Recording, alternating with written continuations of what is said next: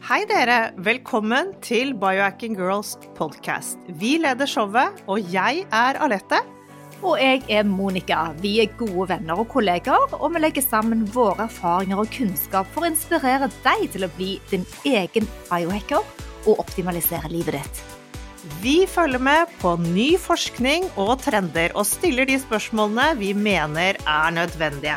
Ja, vi deler informasjon om biohacking, life coaching og fitness, og vi håper at du vil føle deg inspirert og klar til å ta et tak for å komme i den beste helsemessige form. Velkommen til Biohacking Girls podcast. Det finnes en super tarmbakterie som fins i slimveggene i tarmene våre. Jo tykkere denne veggen er, jo bedre forsvarsverk gir den mot negative inntrengere som lektiner, toksiner osv. Og, og det vil vi jo gjerne ha nok av i tarmen. Jo mer du har av denne bakterien, jo mindre sjanse har du faktisk for å lide av overvekt, inflammasjoner eller diabetes høres jo helt magisk ut. Denne bakterien er assosiert med termogenesis og konverteringen av det hvite fettet til det brune. Og således er den linket til vektnedgang, men også til bedre blodsukkerkontroll og til å dempe inflammasjoner. Det er en tarmbakterie som noen av oss har, men hos andre er den rett og slett ikke funnet engang. Den heter Ackermansia municifila, og da dr. Hyman, eh, Mark Hyman ble alvorlig syk for mange år siden med kvikksølvforgiftning, så fant han ut at han manglet denne akkermansia-bakterien. Og siden det så har han kjempet for opplysning og pratet masse, både på foredrag og i podkastene sine, om viktigheten av den. Inntil nylig så fantes ikke tilskudd av Ackermansia, så mange lagde sine egne hjemmesnekrede cocktails på kjøkkenet. Men nå har det kommet et selskap som heter Pendulum, som selger Acromantia musinifilia. De har dette som tilskudd, og det er helt klart ikke lett å få dette til Norge. De shipper ikke hit engang. Så vi får bare vente tålmodig, eller lage våre egne cocktails, sånn som dr. Mark Hyman gjorde. For du kan altså øke nivået av Ackermansia ved å spise forskjellige matvarer som inneholder noen nøkkelpolyfenoler, som Akkermansia både elsker og lever av. Et studie viser jo at jo lengre du faster, jo mer ketoner har du tilstedeværende i kroppen, og jo mer polyfenoler du spiser, jo mer Akkermansia musinifila, eller mucus, vil vise seg i tarmene. Ja, men da er vi her igjen med kjære Eva Andersson. Du må gi oss en liten recap, selv om du nå er fast gjest hos eh, oss i podkasten, så må vi ha en liten recap på bakgrunnen din. Hei, jeg heter altså Eva Andersson eh, og eh, har jobbet som terapeut siden ja, midten av 80-årene ganske lenge. De siste tre årene har jeg hatt gleden av å jobbe mye dypere med mikrobiomtesting, som da er en eh, måte å sjekke hva, vi, ja, hva, som bor i oss, rett og slett, og hva som ikke bor i oss. Og det har jo virkelig fått eh, dybden og bredden i forståelsen for hvordan kroppen fungerer.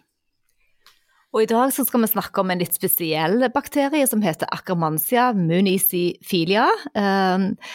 Dette er en bakterie som er litt sær og litt eh, ja, ikke sånn som alle har på leppen sin. Hva er den for noe?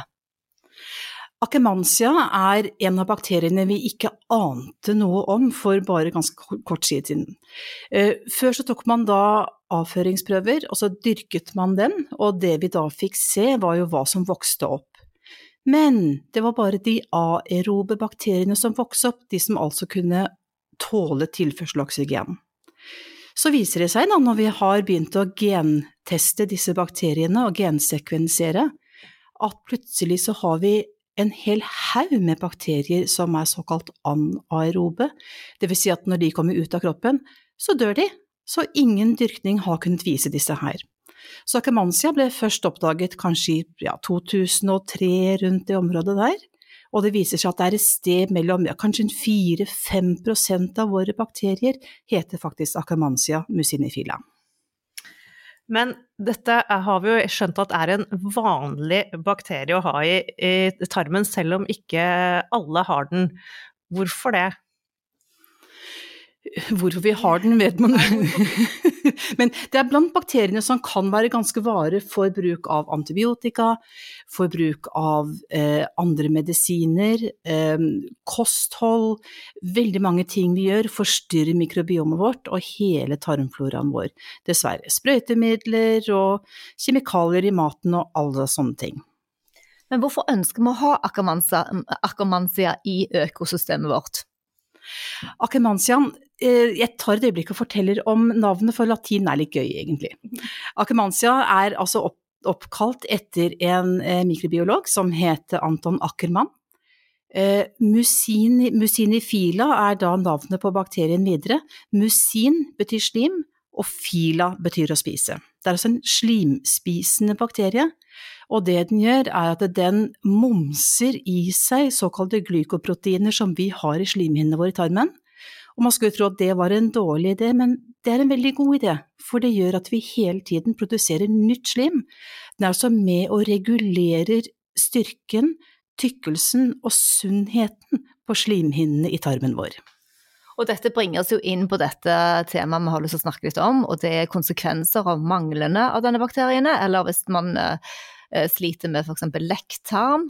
Hvilke sammenhenger er det med de slimveggene du snakker om da? Nettopp. Det er akkurat det som er, som er sammenhengen. Akemansian er en av bakteriene som sørger for at vi ikke har lekt tarm.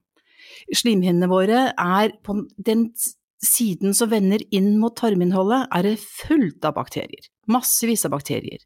Mens den andre siden av slimhinnen, den som vender inn mot tarmveggen, er det ingen bakterier. Eller i hvert fall veldig, veldig få. Og akemansian passer på at den tykkelsen på slimhinnene og integriteten i slimhinnene er til stede og beskytter mye mot lekt tarm. Men hva kan da skje hvis vi mangler denne bakterien? Hva gjør det med tarmene våre? Det gjør ganske mange ting. Det man ser symptommessig sett når man mangler bakterien, er at den er med å regulere vekten vår. Det er ganske interessant. Man begynte ganske tidlig å se at eh, folk som var overvektige, hadde gjerne mangel på bakterien, og de som var mer normalvektige, hadde rikelig med den. Eh, så begynte man da å forske seg fram og ga den bakterien til overvektige, som faktisk fikk en mye lettere jobb i å regulere vekten sin. Så ser man det kan påvirke søvn og søvnnivået vårt. Uh, tarm er definitivt en ting, for hvis du har en tarm som ikke klarer å holde tett Husk at tarmen, tarmveggen, er bare én celle tykk. Det er så fryktelig, fryktelig tynt. Den er veldig stor, du kan dekke bortimot en fotballbane eller mer, men den er veldig, veldig tynn. Og næringen vår skal passere gjennom tarmcellene og ikke mellom tarmcellene. Så det at tarmen, disse cellene, holder tett seg imellom og passer på at det som slipper inn, slipper inn, og det som ikke skal inn, ikke slipper inn, er en veldig, veldig viktig funksjon. Og Akkermansian ser ut til å være med og påvirke dette på en god måte.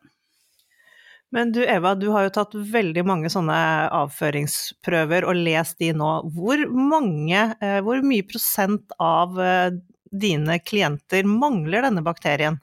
Dessverre altfor mange. Det er kanskje flere som mangler eller har lite av den, enn de som har rikelig. Men allikevel så finnes det håp. Altså før, før så kun, visste man jo ikke noe om denne bakterien, og man visste heller ikke hvordan man skulle måle det. Så da først bare for å se litt på symptomer, og da har du nevnt lekktarm. Er det andre typer symptomer som du bare automatisk tenker at ja, her må jeg inn og sjekke, akkermansia? man?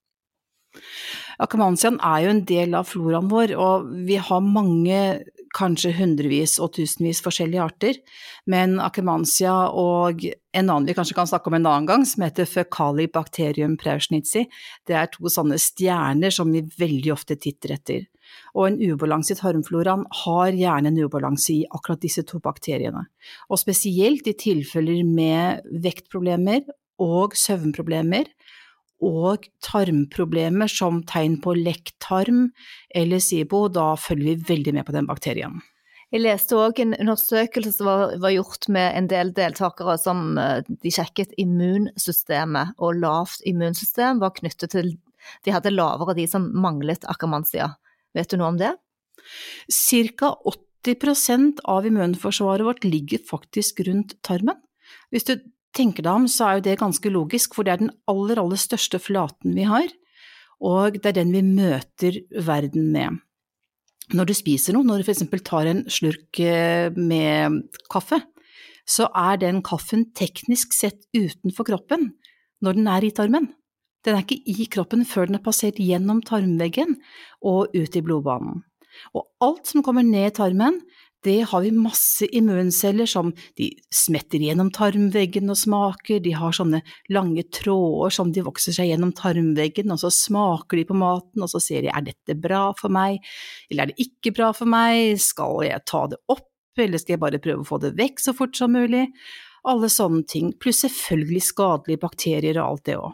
Men uh, denne akramansia den er jo ikke så lett å få tak i som tilskudd foreløpig, i og med at det er såpass nytt som du snakker om. Uh, men er det noe vi kan gjøre i forhold til mat? Hva anbefaler du da når man ikke har denne? Er det noe vi kan gjøre for å bygge opp og skape den selv? Ja, det viktigste er jo å forsøke å legge til rette for at den trives. Altså vi må lage et miljø hvor bakterien kan trives. Og den ser ut til å være veldig glad i visse matvarer. For eksempel bær og fargerik mat, altså polyfenolrik mat. Og kan jeg snakke litt om polyfenoler, ja. så er det ganske, ganske artig, for det fòrer både akamansia og en annen stor gruppe bakterier som vi liker å ha, som heter bifidobakterier. Og polyfenoler, det er altså stoffer som plantene lager for å beskytte seg. Og det er litt av grunnen til at jeg tenker at det er lurt å velge økologisk, fordi at en plante som må klare seg sjøl, altså som ikke blir dulla med og stelt med, den må faktisk produsere en del stoffer for å beskytte seg mot omverdenen, og blant de stoffene er jo da polyfenoler. Um, og det fins ja, flere forskjellige typer polyfenoler, uh, hvorav den største gruppen er, heter da flavonoider. Og det finner vi masse av i eksempel eh, løk og hvitløk og chili og epler, eh, asparges, eh, ja, oregano, spinat og grønnkål og altså alt med farger og ting som er fine å spise. Betyr det da at hvis man spiser de, de råvarene som du snakket om nå, hvis man spiser det og lager en cocktail på det, så vil man få akkermansia? Det vet vi ikke. Eh, rett og slett, for det er såpass nytt, og jeg vet at man holder på å forske for å forsøke å produsere akemansia som kan komme kommersielt til salg. Og det er noen firmaer som ser ut til å ha klart det. Nå har ikke de kommet til Norge enda, vi håper at det kommer om ikke så altfor lenge. Ja, fordi han dr. Mark Hyman, da, han uh, har jo vært en forkjemper for uh, akramansia. Og han mener selv at hans egen lille cocktail med pomegrante og eple og ja, flere ingredienser som har masse flavonoider i seg, at det har gjort til at han fikk akkermansia. Og det tror jeg, Vi vet ikke helt hvor den kommer fra, men vi vet at det er blant tingene som er i, i naturlig rundt oss. Og hvis vi lager et miljø hvor den trives, så er sjansen mye, mye større for at den vil vokse og kose seg. Og det er sjelden at vi fullstendig utrydder en bakterie, selv om det er så lavt at det ikke er målbart på prøver, så vil det gjerne være noe som ligger igjen der, tror vi. Så når vi legger forholdene til rette, så har de sjansen til å vokse opp. Det er også noen som prøver å lage noe de kaller for postbiotika, dvs. Si at de dyrker akemansia, og så pasteuriserer den, altså de varmer den opp til nesten 100 grader. Da dør selve bakterien, men produktene som den lager, det kan vi da få i oss, og det virker som at det stimulerer til videre vekst av akamansia i kroppen. For tidlig å ha egen erfaring, men det er artig litteratur å lese. Så det betyr at dette er noe du har lest, men du har ikke testet ut selv den postbiotikaen du snakker om? Stemmer. Verken eh, prøvd den selv eller de levende bakteriene, for det er ikke tilgjengelig hos oss enda. Men eh, vi krysser fingrene for at det kommer snart. Akkermansia det produserer kortkjedede fettsyrer. Kan du forklare hva de er? Å ja. det er gøy. Eh, bakteriene våre produserer veldig mye fine stoffer for oss. Vi har et sånn gjensidig samarbeid, så vi lar bakteriene være hos oss, og så hjelper de oss med å produsere stoffer som vi gjerne vil ha mye av. Akemansia, den lager to fettsyrer, to kortkjeda fettsyrer, og av de mest vanlige fettsyrene så er det butyrat og propionat. Vi har også fettsyrer som acetat, vi lager kanskje det er mest rikelig av i kroppen egentlig, eh, eddiksyre. Og så har vi eh, laktat, altså melkesyre, og vi har sukinat. Men tilbake igjen til vår venn akamansia, så produserer den da litt butyrat og enda mer propionat. Butyrat er superviktig, altså det er den fettsyren det er aller mest forskning på. Den har veldig mange egenskaper. Det er den foretrukne næringen for cellene i tykktarmen. Altså, tykktarmcellene klarer ikke bare å ta mat fra maten og så vokse på det, det får de ikke til. Men de klarer å spise butyrat, altså smørsyre. Eh, smørsyre er ikke så lett å produsere og putte i maten, fordi at det rett og slett smaker promp. Det er det som gir litt av lukten vi har, men det er da den, den smørsyren. Men vi har bakterier som lager det selv, og det er jo egentlig helt fantastisk.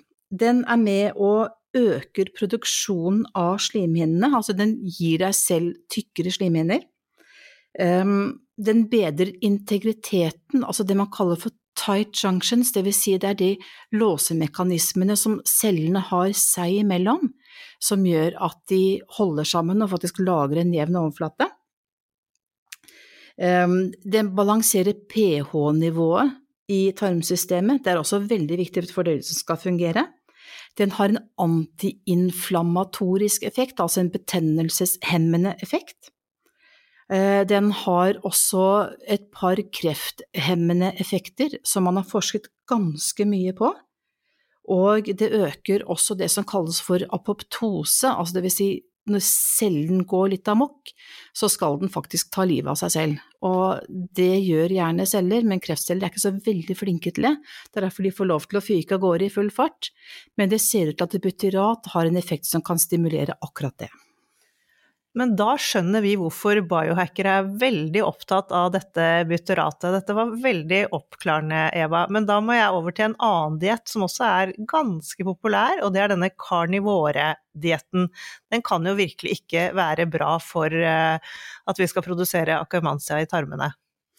Nei, fordi at eh, selv om selv om akkermansia produserer probionat, og probionat er noe som lages av de bakteriene som gjerne fermenterer på kjøtt og proteiner og sånt, så er ikke akkermansiaen så veldig glad i kjøtt. Kjøtt og metta fett og sånt, det, det, det syns den ikke så veldig mye om. Den er mye gladere hvis vi spiser fisk og fiskeoljer, omega-3 og en del plantebaserte ting. Da er den mye, mye mer fornøyd. Eh, så lager da den propionat til oss, og propionaten er også en næringsstoff som hjelper hjernen vår videre. Så den kan gi næring der og ha masse effekter rundt om i hele kroppen.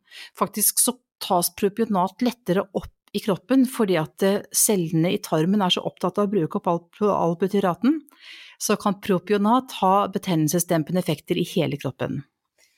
Betyr det egentlig at bare for tilbake til butyrat, at det burde vært et tilskudd som kunne ja, vært på pillelisten vår?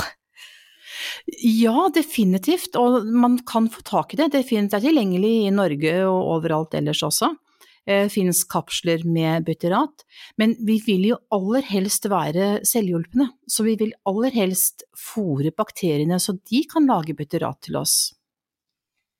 Men du, kan vi ikke gå tilbake litt til vekt, da? For det, er jo veldig mange både kunder av oss og helt garantert kunder av deg som sliter med vekt. Uh, selvfølgelig kan det ha med kosthold, og det kan ha med søvn og stress og trening og mange andre ting å gjøre.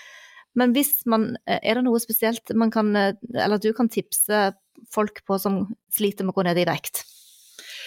Altså det å passe på at slimhinnene er, er, sterke og fine, og at du har en riktig balanse med disse bakteriene, det er veldig, veldig viktig, også for å regulere vekten. At vi har et avgiftningssystem som også fungerer, kan være veldig viktig. Uh, og mye faktisk styres av bakterier der også. Jeg vet ikke hvor langt vi kan komme inn på det, men det er mye spennende der også. Uh, for når vi lager masse hormoner i kroppen vår, så når de er brukt opp, så skal de skilles ut av kroppen, og da er leveren veldig flink, og så binder den disse hormonene, og så frakter den det ned i tarmsystemet med avføringen. Men hvis vi har veldig mye bakterier som produserer noe som heter beta-glukoronidase, så kan det enzymet løsne opp på disse bindingene igjen og gjøre at vi reabsorberer hormoner tilbake igjen til kroppen. Litt enkelt forklart, men i basis så er det det som fungerer, det er det som skjer. Og da kan vi få et helt feil hormonnivå i kroppen. Veldig, veldig interessant, Eva. Og det er jo stadig det store spørsmålet hvordan man skal klare å finne denne balansen. Jeg lurer på en annen ting som eh, meg og Lette er veldig opptatt av, og det gjelder faste. Vi vi anbefaler jo til mange å drive med periodisk faste, og vi vet at du òg liker det veldig godt. Men hvordan reagerer tarmene og bakteriene i tarmene våre på å avstå fra mat? Ja, kanskje 16 timer, eller til og med hvis man vil gjøre OMAD, uh, one meal a day, eller hvis man vil ta en hel 24 timers faste. Er det en respons der som er positiv? Blir bakteriene glade for det? Superglad, faktisk. Vi er ikke lagd for å, for å gresse. Eh, hvis vi tenker litt tilbake igjen til evolusjonsmessig sett, så har jo ikke mat alltid vært så tilgjengelig som det er nå. Det har ikke bare vært å stikke ned på hjørnet og kjøpe noe. Eh, vi har måttet faktisk stå opp om morgenen og så kjente ah, i dag er jeg sulten og lyst på noe mat, men hvor får vi det fra? Jo, vi må ut og fange det, eller samle det, eller sanke det. Så eh, sånn sett så er, er vi lagd til å kanskje gå ganske lange perioder uten å spise. Når magen tømmer seg, vi har en, en bevegelse i tarmen som heter en peristaltisk bevegelse. Hvis du har titta nøye på en, en, en, meitemark som krabber rundt i jorda, så har den en måte å bevege seg fremover på som nesten ligner på sånn tarmene beveger seg. Klarte å ødelegge den assosiasjonen. De, den bevegelsen den dytter altså da stoffene fra eh, nedover i tarmsystemet, og det går én vei, og det er nedover. Ned og ut. Når tarmen tømmer seg, så fortsetter den bevegelsen, men den heter da noe annet, det er vel motor-neuron-kompleks, tror jeg det kalles for den bevegelsen. Det er en sånn selvrensende funksjon, da dyttes faktisk bakteriene litt nedover i tarmsystemet, slik at vi får en større konsentrasjon av bakterier i tykktarmen og lengst ned i tynntarmen, og en mindre konsentrasjon lenger oppe i tarmsystemet. Og det er, eh, det er, en veldig fornuftig måte å gjøre det på, for da unngår vi en overvekst av bakterier tidlig i tarmen, som da kan trigge noe som kalles for SIBO, eller Small Intestinal Bacterial Overgrowth. Så det betyr eh, eh, at det faste er bra, men er det et visst antall timer på faste man har sett er bedre enn noe annet? Jeg tror vi er forskjellige, jeg tror vi er, vi er ikke like. Vi har forskjellige gener. Eh, vi har eh, forskjellige vaner, vi har forskjellig blodsukker eh, og, og, forskjellig alder f.eks., for forskjellig aktivitetsnivå. Så det må vi prøve oss litt fram til. Og for noen så kan det virke litt skremmende at vi skal gå hele dagen uten mat, det kan høres veldig skummelt ut. Men hvis du f.eks. starter med å spise middag litt tidligere om kvelden, og så utsetter du frokosten litt om morgenen, så ser du da går det fort tolv timer.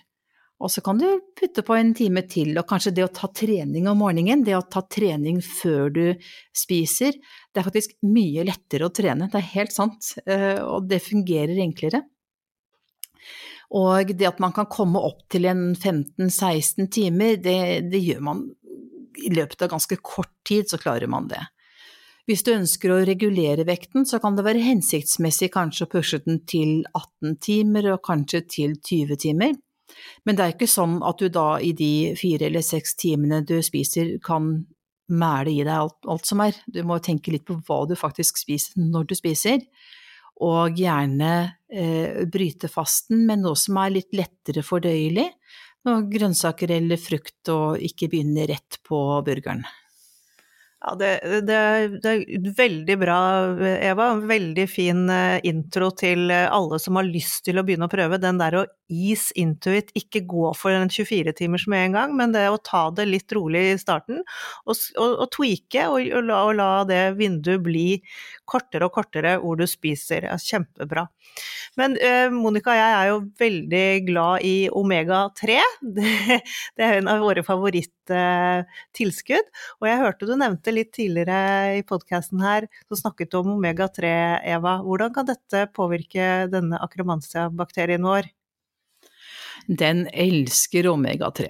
Det virkelig er det, det er, det er få rene tilskudd som vi vet er veldig bra for akkermansia, og omega-3 er definitivt en av dem. Så det å ha et godt omega-3-produkt, og gjerne i tillegg til å spise fet fisk, altså da villfanget fisk, for det viser seg jo at disse oppdrettslaksene som står og knasker i seg eh, soya og mais, som er helt unaturlig for dem Jeg har ennå ikke sett en laks på maisslang. Um, jeg er jo ikke vant til det. Um, så de har jo da mye mindre omega-3 faktisk og umetta fettsyrer i fettet sitt, selv om det er like fete fisker. Så det å kanskje spise eh, kjøtt fra et dyr som har vært ute og beitet og gresset, kan det være mer omega-3 enn det er faktisk i en, i en fisk, dessverre. Men omega-3-fettsyrer som tilskudd, veldig, veldig god idé, og dere har et veldig godt produkt, har dere ikke det? Jo. Og Pur RT, da, som du òg har snakket om tidligere, en såkalt fatburner-T, Hvilke, hvilken effekt kan den ha på akkermansia? Det har også en veldig god effekt på akkermansia. PRT har vært brukt i lange, lange tider eh, i Kina og i Østen, altså sånn en vektregulering. Noe av det kan ha å gjøre med at de, de fleste teer, og særlig grønne teer, er veldig, veldig rike på polyfenoler og har disse polyfenolene som akkermansia og mange av de gode bakteriene setter veldig pris på å få. Og PRT er en fermentert te som da ser ut til å ha en veldig god fettforbrennende effekt og eh, akkermansia-stimulerende effekt. Men hva med polyfenolene? Vi har skjønt at uh, mat med høyt innhold av polyfenoler, det er bra for denne tarmbakterien, liker det. Hvilke polyfenoler? Det er som sagt mange forskjellige typer polyfenoler, og eh, vi har flere undergrupper av dem. Eh, det som er litt interessant med polyfenoler, igjen som da er eh, plantens måte å beskytte seg, eh, beskytte seg, er at mange av dem smaker litt bittert.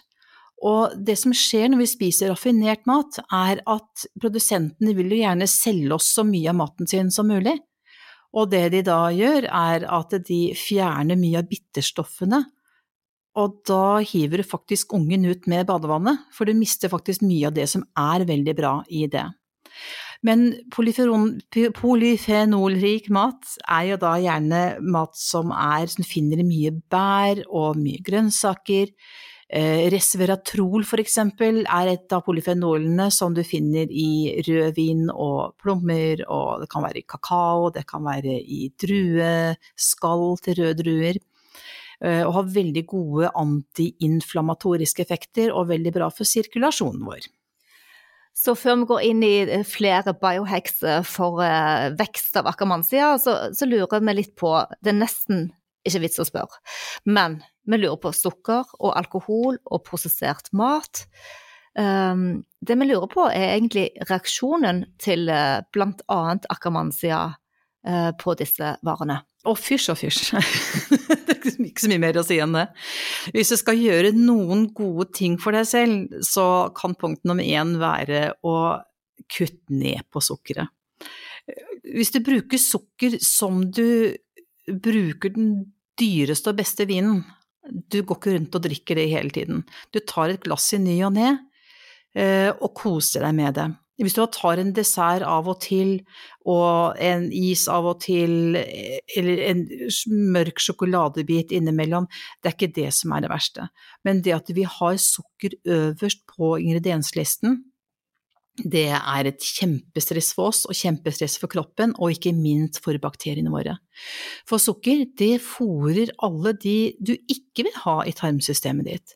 Det fôrer masse sopper, gjærsopper, gjærbakterier, ehm, en del sånne uhumskheter som vi ikke liker å ha. Og så er det sånn at bakteriene kommuniserer med hjernen vår. Altså vi kommuniserer hele veien. Hjernen skjønner hva som skjer i tarmen gjennom en nerve som heter vagusnerven. Og disse bakteriene kan faktisk kommunisere direkte med hjernen vår. Så hvis du har spist mye sukker over tid, så fôrer du alle de bakteriene som liker sukker, og gjett hva de gjør? Jo, de sender et signal til hjernen, og så sier de 'jeg vil ha sukker', 'jeg vil ha loff med sirup på', og så er det det du får lyst på. Men hvis du klarer å bryte den vanen, og spise mer eksempel grønt, ta deg sammen to uker, spis masse gode grønnsaker og ren mat, så plutselig oppdager du at det er den maten du får lyst på. Jeg fikk litt assosiasjoner til Karius og Baktus her nå, ja, helt klart. Men uh, Alette og meg, vi bruker jo da, hvis vi skal ha søtning, og det er det vi veileder på så bruker vi monk fruit og erytyrol og ja, en god økologisk stevia. Hvordan reagerer tarmbakteriene på de tre? Stevia har vel ikke, tror jeg ikke har så veldig mye påvirkning. Alle disse sukkeralkoholene som lytter på ol, de kan ha en stressende effekt på tarmsystemet vårt. Uh, Monkfruit den tror jeg ikke skal ha så veldig mye påvirkning, skal være blant de bedre tingene å ha. Det er ikke så lett å få tak i her i Norge, men uh, kan fint brukes. Uh, men vi har sånne som xylitol og erytritiol, og som du nevnte, sokrin og eh, manitol, ja, forskjellige stoffer. Og de kan fort gi en del oppblåst mage, løs mage, eh, tarmproblemer. Ja, Det er bra, for det vi må presisere det da, helt enig, og vi mente da stevia og monkfruit, de får du da kjøpt på iHerb, og erityrol er òg da en keto-vennlig, men alle de andre, xylitol og alt det som du finner, de eh, bruker vi overhodet ikke, så vi er helt enige. Men du, Eva, noen biohacks. Du har nevnt noen allerede. Vi har snakket om flavonider, vi har snakket om uh, tilskudd. Det finnes akromansier som man kan bestille fra utlandet, men de sender ikke til Norge ennå. Men er det noen andre Du har snakket om potetmel tidligere. Kunne du gi oss noen gode hacks? Ja, um, det er klart vi kan det. Uh, det ene, for eksempel, jeg snakket om dette med, med polyfenoler. Spis regnbuen. Det kan høres eh, litt barnslig ut, men det er faktisk ganske viktig at vi får i oss mat med mange forskjellige farger, for det inneholder forskjellige næringsstoffer. Det er et sånt uttrykk som, eh, som, myndighetene kommer med, og det er fem om dagen, eh, og seks om kvelden kanskje. I hvert fall fem om dagen. Men hvis du da spiser de samme fem hver dag, så er det jo akkurat like langt. Så jeg tenker prøv deg på 30 i uka. Prøv gå en tur inn på en eh, matmarked, et matmarked eller en eh, sånn typisk innvandrerbutikk, altså noen som har andre typer grønnsaker enn det du finner i de vanlige butikkhyllene, og prøv deg litt fram. Plutselig så oppdager du nye typer grønnsaker og nye typer smaker som du ikke visste fantes engang. Og så vannet vi drikker. Pass på at vi drikker rent vann. Det kan høres enkelt ut, og vi liker å tro at vi har så rent vann i Norge, men vi klorer faktisk vannet, og klor er bakteriedrepende. Det er jo derfor vi putter klor i vannet. Og klor stopper jo ikke å virke når vi får det inn i tarmen, det fortsetter jo å virke og drepe bakterier i kroppen vår også. Tenk økologisk. Eh, jeg vet det ikke alltid er så enkelt, det er ikke alltid tilgjengelig, og det kan koste skjorta. Men det er et lite uttrykk som heter det er kanskje bedre å betale bonden i dag enn å betale legemiddelfirmaet om noen år. Og jeg syns ikke det er så hoppende dumt, fordi at hvis vi får i oss minst mulig kjemikalier og mest mulig næringsstoffer, så vil vi ha det bedre. Hvis du kom hjem da med en kurv jordbær eller en salat og du ikke har klart å få tak i økologisk, putt det i en balje med eddikvann, altså kaldt vann med noen spiseskjeer eddik oppi og la det ligge kanskje en times tid. Da vil eddiken være med å løse opp mye av sprøytemiddelrestene, og skulle det være noen insekter som sitter igjen der, så blir du jaggu meg kvitt dem også. Min var inne på dette med potetmel. Smart. Potetmel inneholder resistent stivelse, som er mat til bakteriene våre. Dette her har du hjemme i skapet. Kjempeenkelt. Ta en spiseskje potetmel i et glass vann, rør rundt og drikk. Ikke smaker det spesielt vondt, ikke eh, koster det mye. Det er ofte økologisk i tillegg, de vanlige vi har i butikken. Og det kan gi mye god næring til bakteriene våre. Veldig mye av dette her har jo vi prøvd en stund, Monica, for vi har jo kjent Eva lenge, så vi har jo vært borti det meste her. Men eh, vi har også smakt på denne inulinen. Jeg har faktisk prøvd det litt som at fordi det er litt søtt, Men jeg merker at for meg er det ikke noe særlig nedi tarmen. Hva, hva sier du, Eva? Mest sannsynlig fordi at du mangler akkurat de bakteriene som fermenterer på inulin. Um, spesielt en bakterie som heter fecalibacterium prausnitzi, som da gjerne er et sted mellom 5 og 15% av bakteriene våre, er skrekkelig glad i inulin. Inulin er et stoff som fins i bl.a. jordskokk, um, og jeg var vel på et seminar her i høst hvor de serverte jordskokksuppe.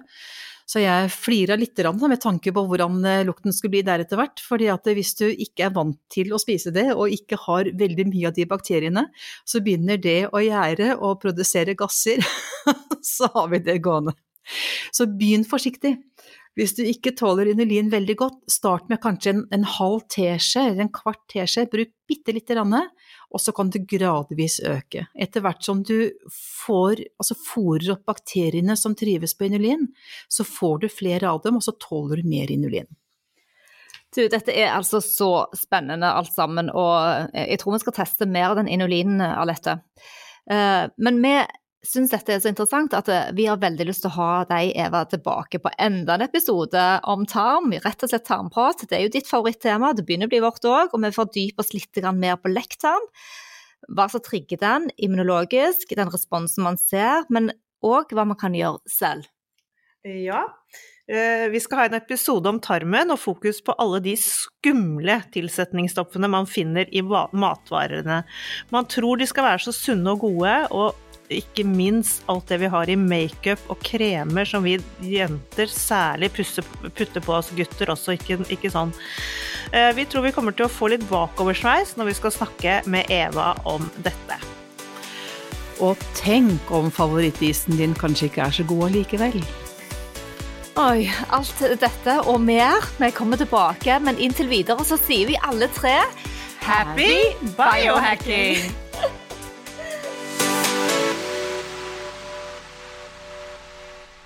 Vi minner om at dere må snakke med egen lege eller kostholdsveileder om dietter og andre spørsmål relatert til medisiner og supplementer. Informasjon vi deler kan ikke bli brukt til å diagnostisere, behandle, forebygge eller kurere noen sykdommer eller tilstander.